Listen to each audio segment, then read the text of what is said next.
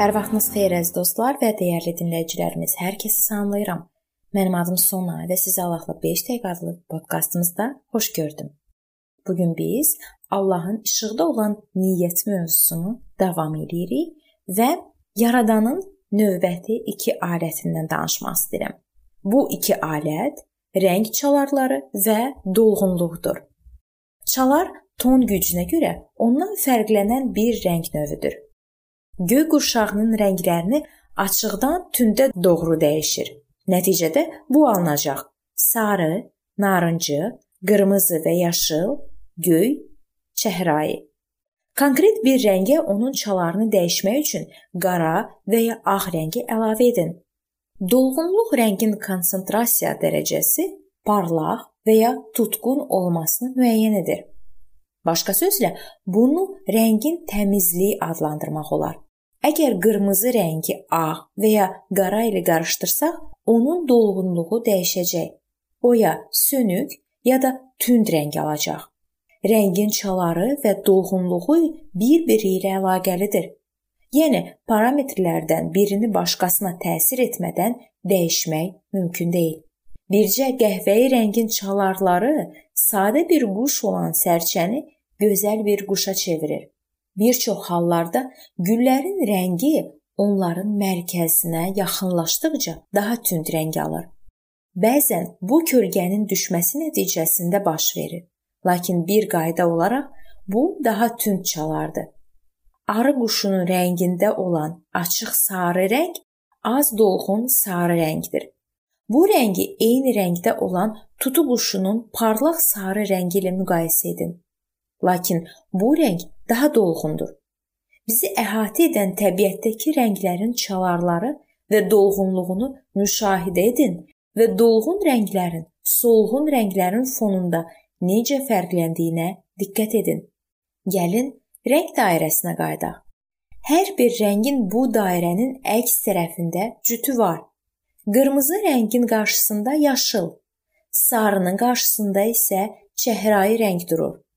Belə rənglər bir-biri tamamlayan və harmoniyada olan rənglər adlanır. Onlardan birgə istifadə görüntünü tamamlayır. Bu səbəbdən təbiətdə tez-tez təzadlara rast gəlinir.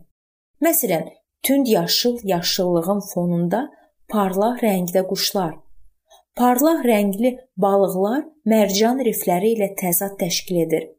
Belə əkslikləri müşahidə etsəniz, Görəcəksiniz ki, bu rəng dairəsində bir-birinin əksində yerləşən rənglərin köməyi ilə yaradılıb. Bir-birini tamamlayan rənglər həyatımızda geniş istifadə edilə bilər. Çəhrayı kağız yaşıl, haşiyə və ya yaşıl mətnlə yaxşı uzlaşır. Qazonlarda və həyətdə gül ekəndə qırmızı və sarı gülləri göy və çəhrayı rənglə uyğunlaşdırmaq yaxşı olar. Həmçinin Rənglərdən istifadə sahəsində sualtı daşları da unutmaq olmaz. İmanlı olaraq parlaq rəngdə paltar geyinib özümüzü gözə soxmaq istəmirik. Daha çox ciddi, gözə girməyən rənglərə üstünlük verməliyik. Həmçinin incəsənətdə ağla gəlməz rəsmlər və rəng qarşılığına yol verən mücərrədlikdən qaçacağıq. Belə incəsənət, yəni dırnaq arası incəsənət sadəcə cismani meyllərin əks etdirilməsi və mübahisəyə gəlməz həqiqət və qanunların inkar edilməsidir. Qoy bizim rənglərdən istifadə bacarığımız daxili dünyamızın və gözü toxumluluğumuzun əks etdirilməsi olsun. Rənglərin qavranılması və onun gözəlliyi ilə bağlı məsələdə fikir ayrılığımızın ola biləcəyinə baxmayaraq, bu görüşümüzdə göstərilən əsas prinsiplər rəng dizaynımızdan istifadəni yaxşılaşdırmaqda və qabartmaqda bizə kömək edə bilər. Hansı rəngin sizə daha çox yaraşdığını müəyyən edin. Rənglərdən Allahı izzətləndirmək üçün istifadə edin.